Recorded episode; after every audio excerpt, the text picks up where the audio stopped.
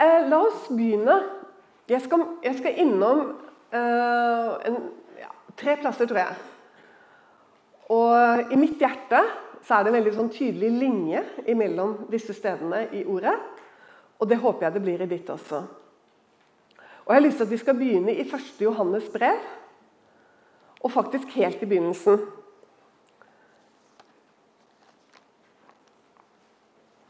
Og det er, eh, det er noen eh, veldig kjente ord som står der, og som er helt fabelaktige, egentlig. Og jeg regner med at du har lest det både ja, opptil flere ganger.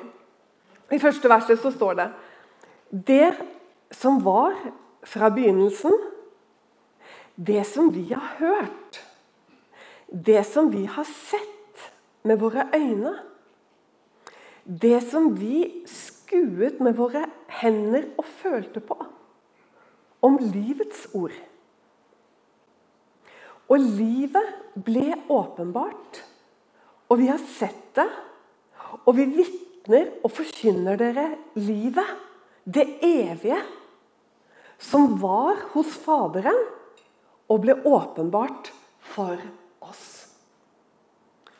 Og det er noe som er så med en gang gjenkjennelig at du forstår at det er Johannes.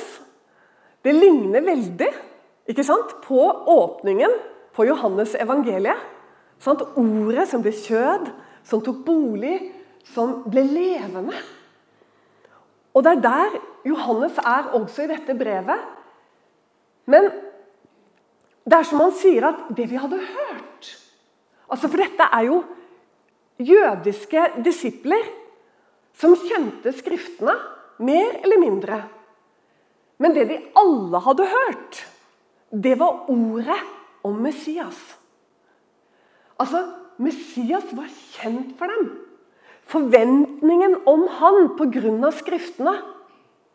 Det som på en måte har vært fokus for dem i alle gudstjenester de har vært på fra de var små eh, gutter. Det var ordet, det levende ord om Messias. Og det er dette Johannes vil formidle.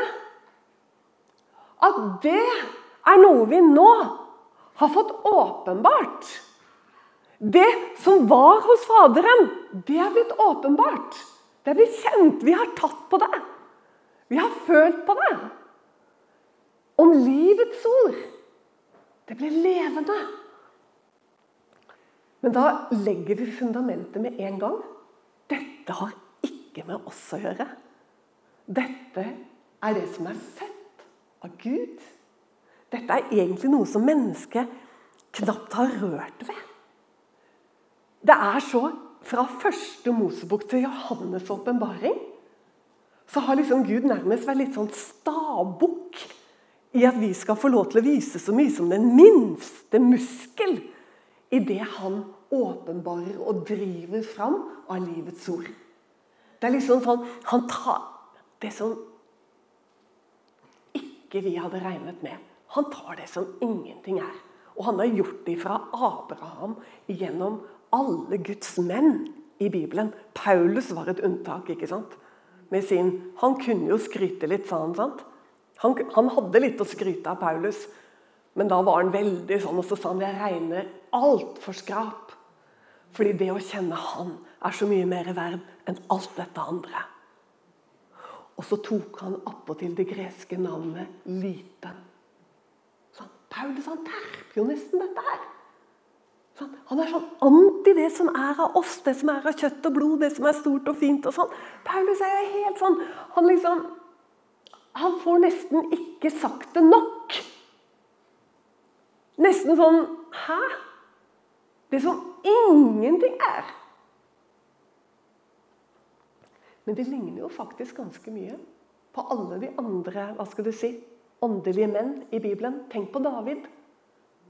Når eh, hans kone sto og spottet han fordi han frydet seg i Den hellige ånd. Jeg vet ikke om dere har lest det. Når han bar arkene opp til Jerusalem, så sto Mikael oppi vinduet og spottet han. Ikke sant? Jeg må si kongen har blitt stor ære verd. ikke sant? Hvordan han har danset og blottet seg i dag. Jeg tror ikke han blottet seg, men han hadde kanskje tatt av noe av kongestasen. Og så sier han, 'Jeg skal gjøre meg enda mindre, Mikael.' 'Jeg skal gjøre meg så liten som disse tjenestekvinnene som du forakter.' Og jeg syns det er så bra. Det, det, å, det er så fint. For det er jo sånn, det er sånn bro gjennom hele Bibelen. Han, han parkerer alt det som er av oss. liksom. For vi vil så gjerne på en måte med styrke og med oss og med sånn og sånn. Gud har bare parkert det. Og så velger han ut det lille og det sårbare og det som ingenting er. Og der er det intet nytt under solen fra Gamle til Nye testamentet. La oss gå herifra til en litt sånn underlig lignelse som kanskje det er en stund siden du har lest. Har du lagt merke til at det er ikke alle lignelsene i Det nye testamentet som det sånn uten videre er lett å forstå? Det er liksom noen av de som er sånn Du tror du forstår det, men så føler du på en eller annen måte at jeg, jeg får liksom ikke helt tak i det. Jeg, jeg, tror kanskje at Lukas 19 og lignelsen om disse, disse talentene du skjønner, Denne lignelsen står nesten lik i Matteus 25 og i Lukas 19. I Matteus så sies det at disse tjenerne fikk noen talenter. I Lukas så står det at de fikk pund. Men vi skal lese fra Lukas. Og konteksten, sammenhengen, er det at eh, Jesus er nå på vei mot Han er på vei fra Oljeberget. Og så skal han ri inn i Jerusalem. Og han vet at han skal ta en aseninnes fole. Han skal ta en eselfole. Hvorfor tar han en eselfole? Jo, fordi alt med Jesus bestandig handlet om å oppfylle profetiene fra Det gamle testamentet. For alt var forutsagt hva han skulle gjøre. Og fordi dette står ikke sånn skrevet at Messias han skulle komme på en eselfole. Så han visste at når han tok den eselfolen, som var en av de sterkeste Messias-profetiene i Det gamle testamentet de visste, Alle visste at dette var noe Messias og ingen andre enn Messias skulle gjøre dette. Så han visste at når han gjorde det, så ville det begynne å koke i Jerusalem. For da ville de tro at nå kommer Guds rike. Nå kommer kongen. Og nå, ikke sant? Nå! Nå men Jesus visste at Nei, nei, nei. Og det var nok av steder de kunne finne som ville fortelle dem at det var ikke sånn at han bare skulle komme og ta riket, for han skulle lide. ikke sant? Så da hadde, de ikke, da hadde de ikke forstått ordet godt nok. Men ok. Han visste i hvert fall det, at når han setter seg på den eh, folen, så begynner Jerusalem å koke. Og Derfor så fortalte han dem en lignelse. Dette står før lignelsen. Fordi de trodde at han straks skulle ta kongeriket, så fortalte han dem en lignelse. Og denne lignelsen den, den er litt interessant i forhold til det vi skal gå videre med. Og egentlig være i mye av denne helgen, fordi temaet er jo livet med Jesus. Ikke sant? Var det ikke det? Livet med Jesus, ja. Lukas, eh, Lukas 19, og da leser jeg fra det tolvte verset. Han sa da En mann av høy byrd dro til et land langt borte for å få kongemakt. Og så komme tilbake igjen. Han kalte da ti av sine tjenere for seg, og han ga dem ti pund og sa, 'Kjøpslå med dem til jeg kommer igjen.' Men hans landsmenn hatet ham. Og de skikket sendebud av sted etter ham og lot si:" Vi vil ikke at denne mann skal være konge over oss. Og det skjedde da han hadde fått kongemakten og kom tilbake. Da bød han at de tjenere han hadde gitt pengene, skulle kalles for ham for at han kunne få vite hva hver av dem hadde vunnet. Da kom den første frem og sa, 'Herre, ditt pund har kastet av seg ti pund.' Og han sa til ham, 'Vel, du gode tjener, fordi du har vært tro i det små, skal du råde over ti byer.' Og den annen kom og sa, 'Herre, ditt pund har gitt fem pund.' Også til denne sa han, 'Vær du herre over fem byer.' Og en annen kom og sa, 'Herre, se her er ditt pund, som jeg har hatt liggende i et tørkle.' For jeg fryktet for deg fordi du er en streng mann. Du tar opp det du ikke la ned, og du høster det du ikke sådde. Han sier til ham, 'Etter din egen munn dømmer jeg deg, du dårlige tjener.' Du visste at jeg er en streng mann som tar opp det jeg ikke la ned, og høster det jeg ikke sådde. Hvorfor satte du da ikke mine penger ut hos pengevekslerne? Så hadde jeg, når jeg kom, fått dem tilbake med renter. Og han sa til dem som sto ved hans side, ta pundet fra ham og gi det til han som har de ti pund. De sa til ham, Herre, han har jo ti pund. Jeg sier dere at hver den som har, han skal gis. Men den som ikke har, fra ham skal endog tas det han tror seg å ha. Rent sånn overfladisk så er den jo ganske forståelig, denne lignelsen. Men liksom, når vi går litt nærmere på klingen, så er det litt sånn, forstår vi det helt på en måte. Og jeg vet ikke, jeg skal ikke si liksom at det er bare én måte å forstå den på. fordi at eh, Guds ord er så rikt, og så det kan romme så mye som vi kan få ut av f.eks. en lignelse. Men, men, det som er viktig, eh, tenker jeg, da, å se her For det første så tror jeg det er viktig for Jesus at man skjønner på en måte forholdet mellom vår innsats og lønnen, og det snakker vi jo egentlig ganske lite om. For jeg husker det var sånn Når jeg vokste opp og ikke var en kristen selv, for jeg kommer jo ikke fra en kristen bakgrunn og ikke en kristen familie, og ble egentlig kristen når jeg var litt sånn godt voksen. Og, og jeg husker vi vitset med det med tanke på kristne. Så gjorde vi det. For det var liksom sånn, Kristne skulle være litt sånn nøysomme, og, og det er bra. Men vi, vi, var litt sånn Ja, ja, ikke sant? det er jo ikke så farlig for dem, for de får jo lønnen sin i himmelen. Og det er jo helt, det er jo helt sant. Men man snakker ikke så mye om det lenger, bare. Men, den, men denne lignelsen den bare viser det forholdet som er så I forhold til vår innsats. Altså pund hvor mye var et pund? Det, det.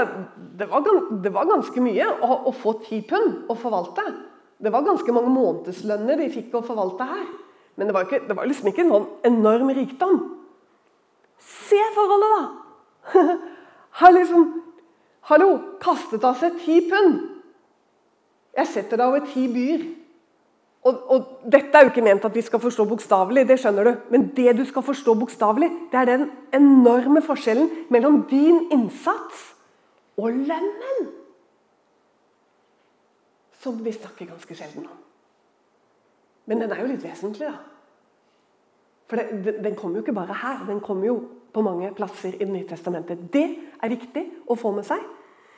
Men så er jo det som egentlig kanskje er det aller viktigste, og det er denne tredje personen som kommer liksom snokende opp. Og, og, og det underlige som han sier, er han, han har hatt det liggende i et tørkle og lagt det ned i en skuff.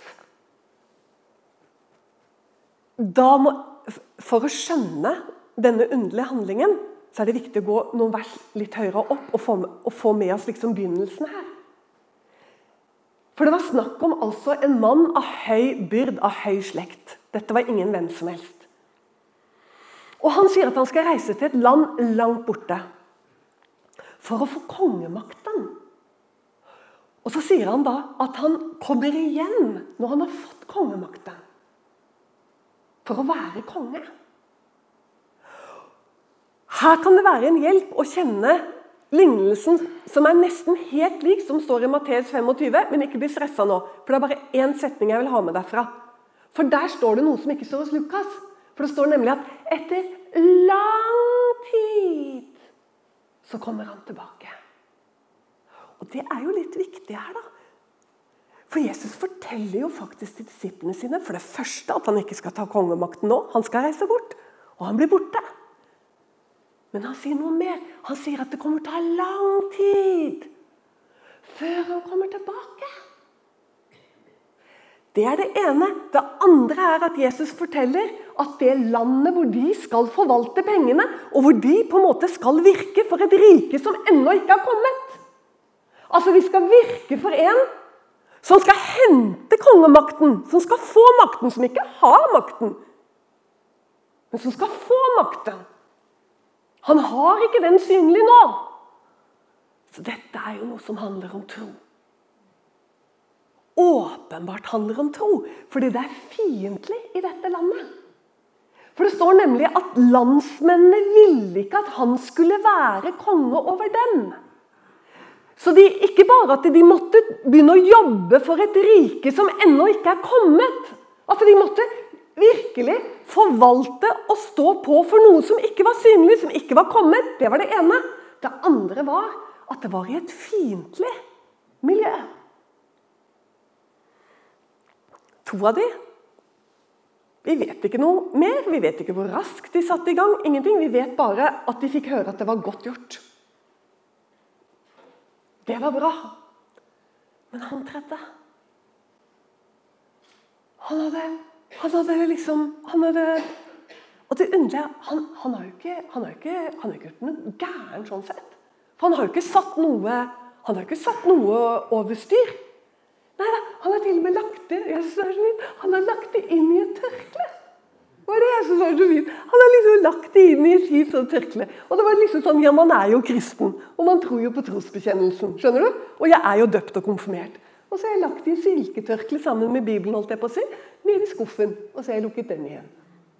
Altså, det, For meg er det litt sånn altså, eh, Dette er en veldig advarsel i forhold til dette at tro det er liv. Og, og, og, tro Nå er vi nesten hos Jakob. Og du bør, du bør ikke gå til Jakob.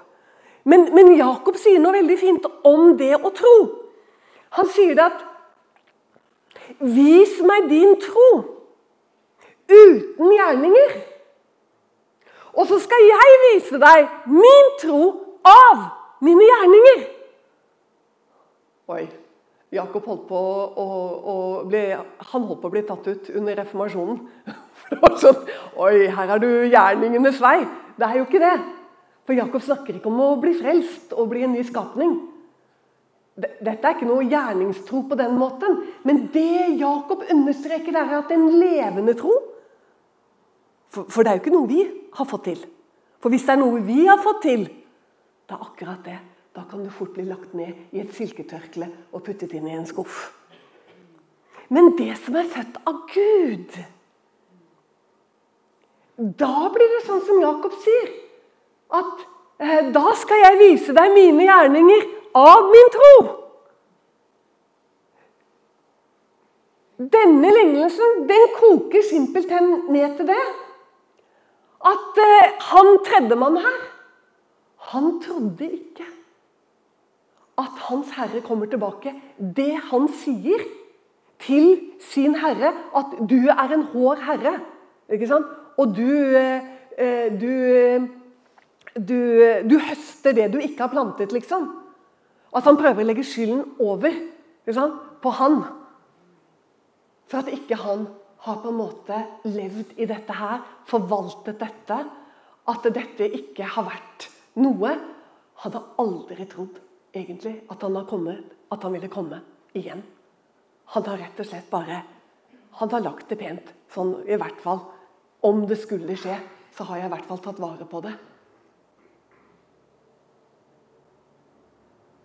Fordi du er en hår herre. Ja, vi må kanskje være ærlige og ta med det òg. Fordi han så ikke noe lønnsomt med dette prosjektet i det hele tatt. Jeg tror det er sånn du må tolke det.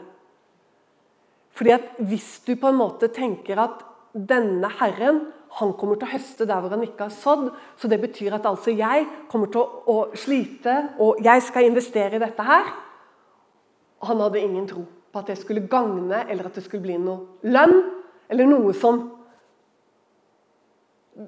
vi sier 'What's in it for me?' Han så ikke det. Han så ikke at dette hadde noe med noe som var noe ganglig. Han hadde simpelthen ikke en tro. Og denne lignelsen den handler om det. Og det er egentlig litt sånn som Jakob sier. Eh, Vis meg din tro uten gjerninger. Det fins ikke. Det er en død tro. Det er en sånn silketørkel. Det er en silketørkletro. Og som er lagt pent inn i en skuff. Men en tro som er født av Gud, den vil alltid bære frukt. Og det beste stedet å gå til da, det må jo være Hebreerne 11. Og la oss gå dit. Og da, dere, tenker jeg at eh, kan vi komme nærmere, nærmere det å Livet. Hva? Livet med Jesus. Her har vi altså så mange forbilder. Ja, men kan vi si at disse gamle i, i liksom Patriarken og sånn Kan vi Ja. Tenk at eh, det står i Det nye testamentet at Moses Det står i Hebreerbrevet. Det står her i dette kapitlet, faktisk. At Moses valgte Kristi vanære framfor en kort nytelse av synden. Altså det å leve, få lov til å fortsette å leve i Egypt. da. Og få lov til å vokse opp der og kanskje til og med ende som farao. Så sier hebreerbrevets Hebrebrevets forfatter, som vi ikke vet hvem er, han sier det at Moses valgte ikke bare vanære, han valgte Kristi vanære. Messias sin vanære. Og jeg synes det er så flott at han sier det. For da bare drar han denne linjen av trosvandrerne helt ifra begynnelsen og helt opp til vår tid.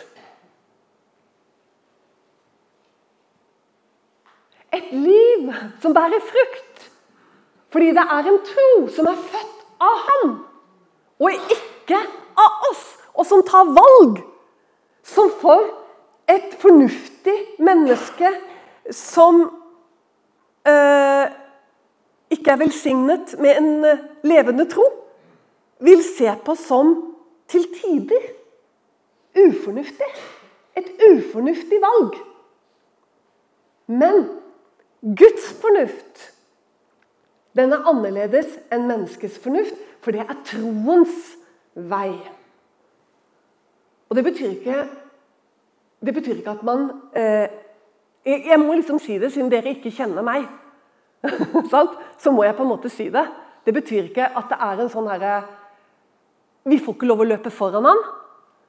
Eh, og vi får ikke lov å finne på ting, liksom. Og vi får ikke lov å bli overåndelige. Og vi får ikke på noen måte lov til å skru oss opp.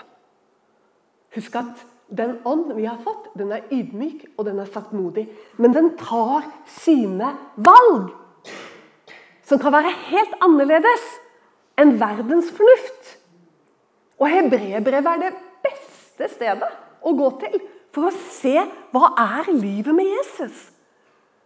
Det er å ta en rekke valg.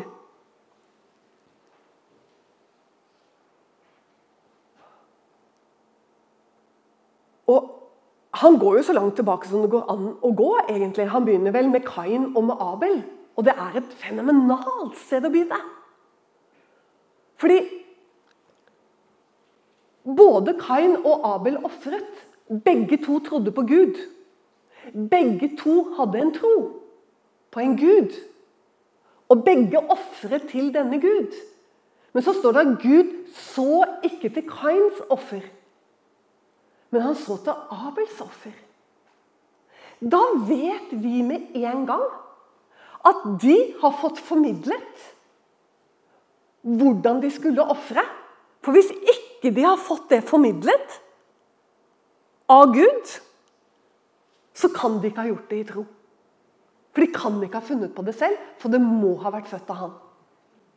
Og det er derfor Abel ofret et offer som var til behag for Gud, for det var gjort i tro. Fordi han lød Gud. Kain visste bedre.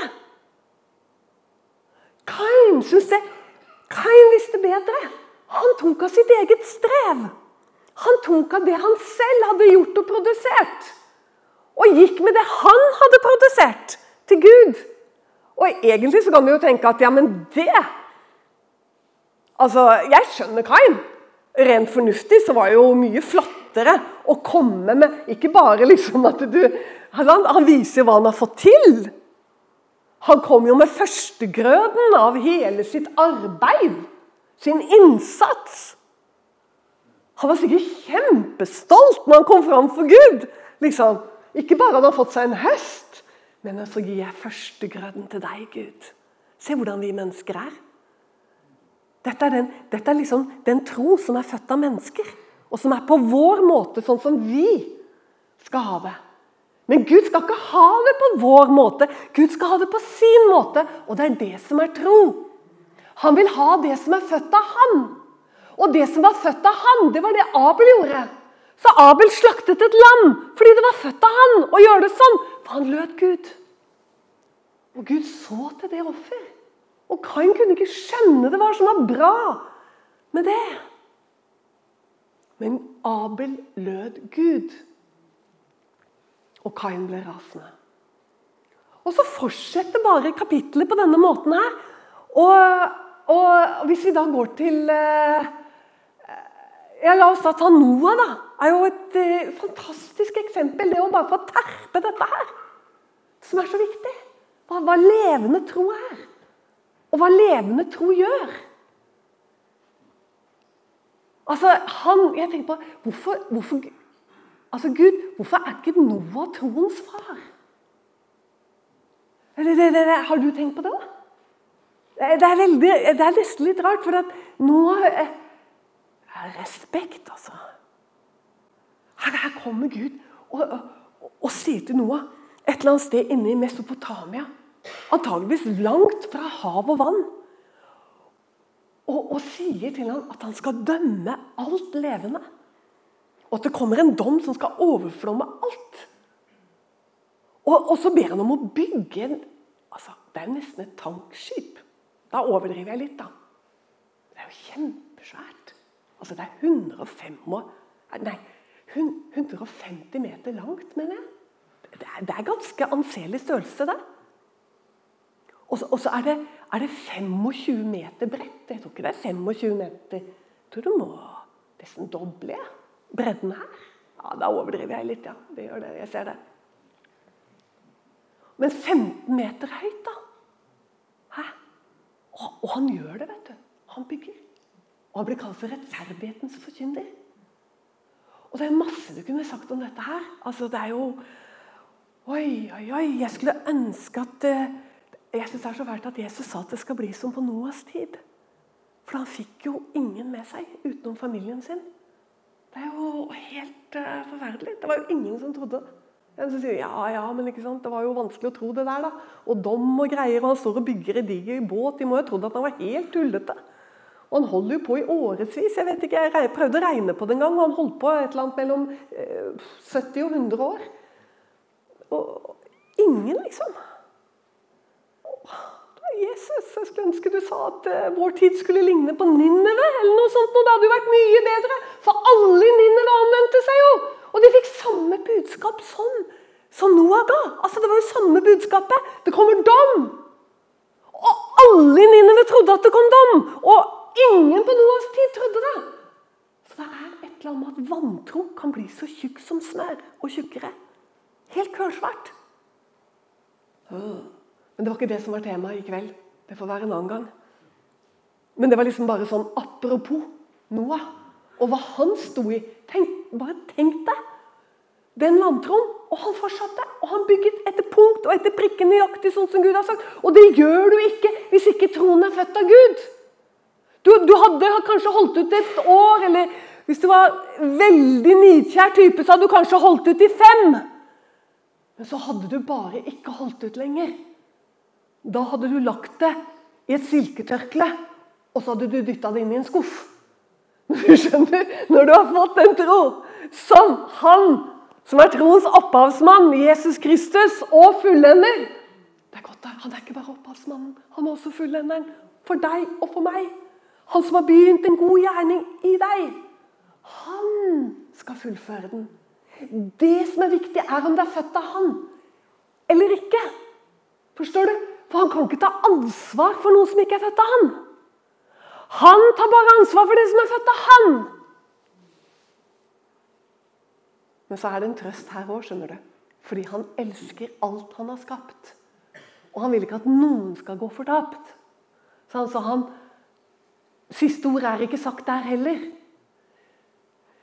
Men det er utrolig godt at han er troens opphavsmann og fullender. Han er det for deg og for deg, deg og meg. Han skal fullende deg, det som han har begynt, av den gode gjerningen, det som er født av han. Og Det er så vidunderlig. Det er ikke Å, du hva? Vi har ikke hatt så mye som en liten muskel med i dette arbeidet. Det er utelukkende han. La oss tusle litt videre iblant disse trosheltene. Egentlig så er det ikke troshelter. Det er samme ånden som vi har fått. Det er litt dumt når vi sier sånn. Fordi det er, det er, det er, det er den samme ånd. Den er født av Gud. Og det er umulig å gjøre det Abraham gjorde, uten at han hadde fått noe som var født av Gud. Og hvis vi leser hva skal vi, Noen ganger så sier jeg nesten rett ut at det, hva Paulus sier når jeg leser Hebreerbrevet, men jeg kan jo ikke gjøre det. For det er jo ikke bevist at det er han. Men høres, det høres jo veldig Paulus ut, mye av det. Men når han kommer til Abraham, så sier han dette her at ved tro, niende verset, oppholdt han seg som utlending i det lovede land, som i et fremmed land. Og han bodde i telt sammen med Isak og Jakob, medarvingene til det samme løftet. For han ventet på den stad som har de faste grunnvoller, og som Gud er byggmester og skaper til. Ser du det? Det er den samme tro. Altså, han venter, og vi venter. Og han bodde i telt, står det. Ja, bodde ikke alle i telt på den tiden der? Da? det er litt sånn du kan tenke. Nei, det var åpenbart ikke sånn. Altså, Han lever som en utlending og en fremmed. og det, det er sikkert derfor Peter begynner sitt brev med å si eh, til alle dere utlendinger som er spredd i Pontus og Fykia og Lykia Nå tuller jeg litt, da, for jeg husker ikke alle navnene. Sant? Rundt omkring lille Asias kyster. Han kaller altså de kristne for utlendinger. Og det er så bra. Og det går jo helt tilbake til Abraham og første Mosebok, sant? for han var jo den første utlending som Gud talte inn og fødte. Fødte det som var født av han. Og så begynte Abraham, troens far, å gå. Og han ikke bare gikk, men han ventet. Og det er dette, skjønner du, at når det er tro så er det alltid en masse verb inni det. Gjerninger. Han gikk. Han kunne jo også, vet du Ja, men å Gud, så herlig at du fins, ikke sant? Nei, å gå bort ifra mitt eget land og alt som er trygt, det, det tror jeg kanskje ikke at jeg gjør, Gud. Men vi kan gjøre det på en litt annen måte. Altså, Han kunne jo tenkt sånn som Kain. ikke sant? Det fins jo andre løsninger enn å gjøre det akkurat sånn som Gud har sagt. Forstår du? Han kunne sagt ja, men ja, så fantastisk, Gud, at du, du fins. Ikke sant? Men da ordner vi det sånn at vi bygger noe fantastisk her. For jeg mener, er det farlig i vår tid å gå, et, gå på Guds kall og ikke vite helt hvor det er? Det er jo skummelt nok i seg selv. Men tenk hvor skummelt det var den gangen. Da Da fantes det ikke sosialkontor eller advokatkontor eller legekontor. eller noe som helst. Det eneste kontoret du hadde, var slekta di. Forstår du? Det var tryggheten din, det var framtiden din, det var investering. Det var alt. Det var din slekt. Det var ikke sånn individualistisk tid som vi lever i. Den du var, var din slekt, din familie, din tilhørighet. Og han kunne jo begynne å å, å tilpasse og ordne det til med Gud. Kain gjorde han. Og det er mange etter Abraham som gjorde det òg. Saul var jo en sånn type. Kong Saul. Bare for å ta litt repetisjon med deg. altså Han ble slutt, eh, han ble jo til slutt avsatt fordi han stadig hadde andre Men han trodde på Gud, og han var salvet av Gud. Men han hadde andre løsninger. Fordi Gud sa 'gjør sånn og sånn'. Og så gjorde Saul det nesten helt sånn. Så gjorde han det litt annerledes, og så står det om Saul om og om igjen at han fryktet for folket. Så hvis du tror at liksom det å ha menneskefrykt? Dette her er veldig viktig når vi snakker om livet med Jesus. Åh, det er så vanskelig! Det er så vanskelig å ha med han å gjøre. Og nå snakker jeg ikke om å være sjenert. Nei, nei, nei, nei. Der er vi forskjellige. Noen er litt sånn sjenerte, noen er mer frimodige. Det der, der har ingenting å si. Det er ikke det jeg snakker om menneskefrykt. Det bør ikke være menneskefrykt engang. det. Å være en litt stille og ja, litt sånn sky person. Men skjønner, Den menneskefrykt det er farlig med i Bibelen, det er den menneskefrykt som går på kompromiss med Guds ord. Og ordner det til. Forstår du? Vi ordner det til. Vet du, Saul er en av de viktigste karakterene i Bibelen som motbilde. Altså, Han er så viktig, og ikke minst i den tiden vi lever. For han er den store tilpasseren. Han tilpasser og ordner det til, sånn at det blir litt enklere. Forstår du? Han, han, han, han var, var, så smart at at han til og med sa til Samuel, til profeten, og profeten kom og sa 'Saul, hva er det du har gjort?' Dette kan du lese om i 1. Samuel, ikke nå, i 15. kapittel, før du legger deg i kveld. Så, kommer Samuel. 'Hva er det du har gjort nå igjen?' ikke sant? Hvorfor lyder du ikke Gud? Og så sier Saul eh, Nei, altså, vi tok jo av disse dyrene fordi, fordi vi ville ofre det til Herren.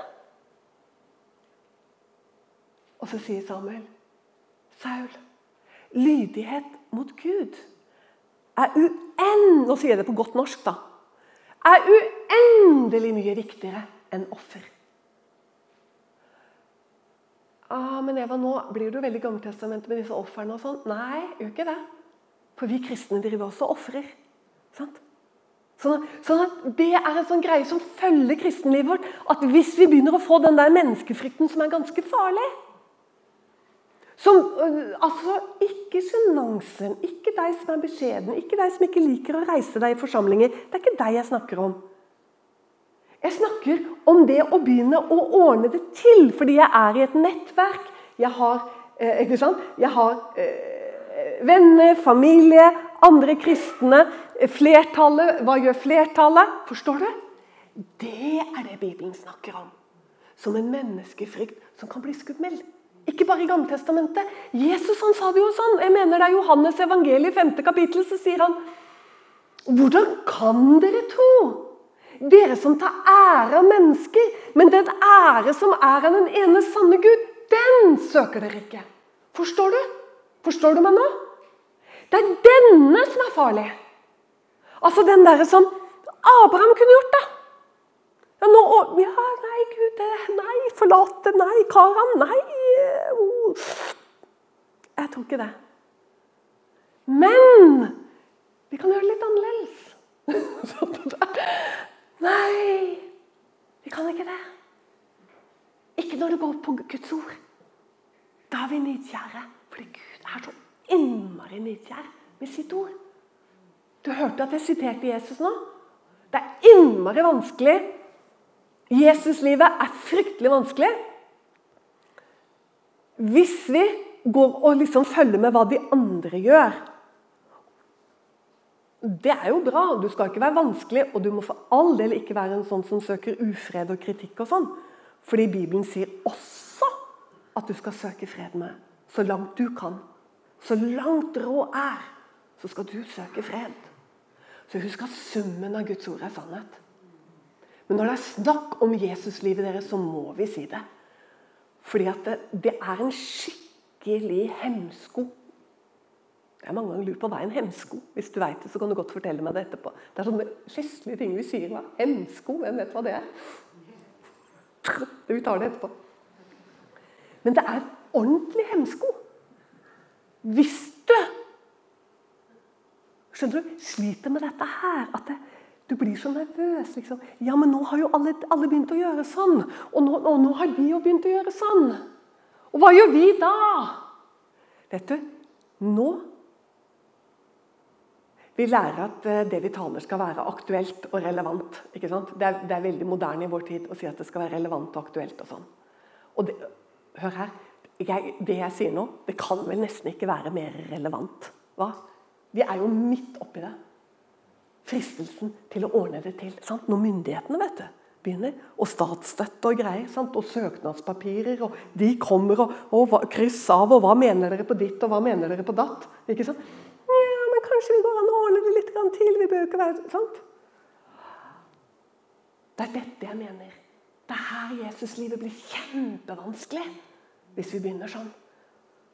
Nei takk. Stå ved veiene og se, sa, Gud til Jeremia. Stå og se hva alle er opptatt av. Jeremia kapittel 6 for deg i kveld, ikke nå. Stå ved veiene og se. Se hva folk er opptatt av, se hva de holder på med. Og spør etter de gamle stiene, og gå på dem. Så skal dere finne fred for deres sjeler. Bli simpelthen bare i det du har lært. Stå og gå på de gamle stiene som er gått opp. Vet du hva, På hebraisk, ordet for sti her sånn, vet du hva det er? Det er tråkk. Ordet betyr å tråkke. Så det betyr gamle stier som er tråkket opp av andre.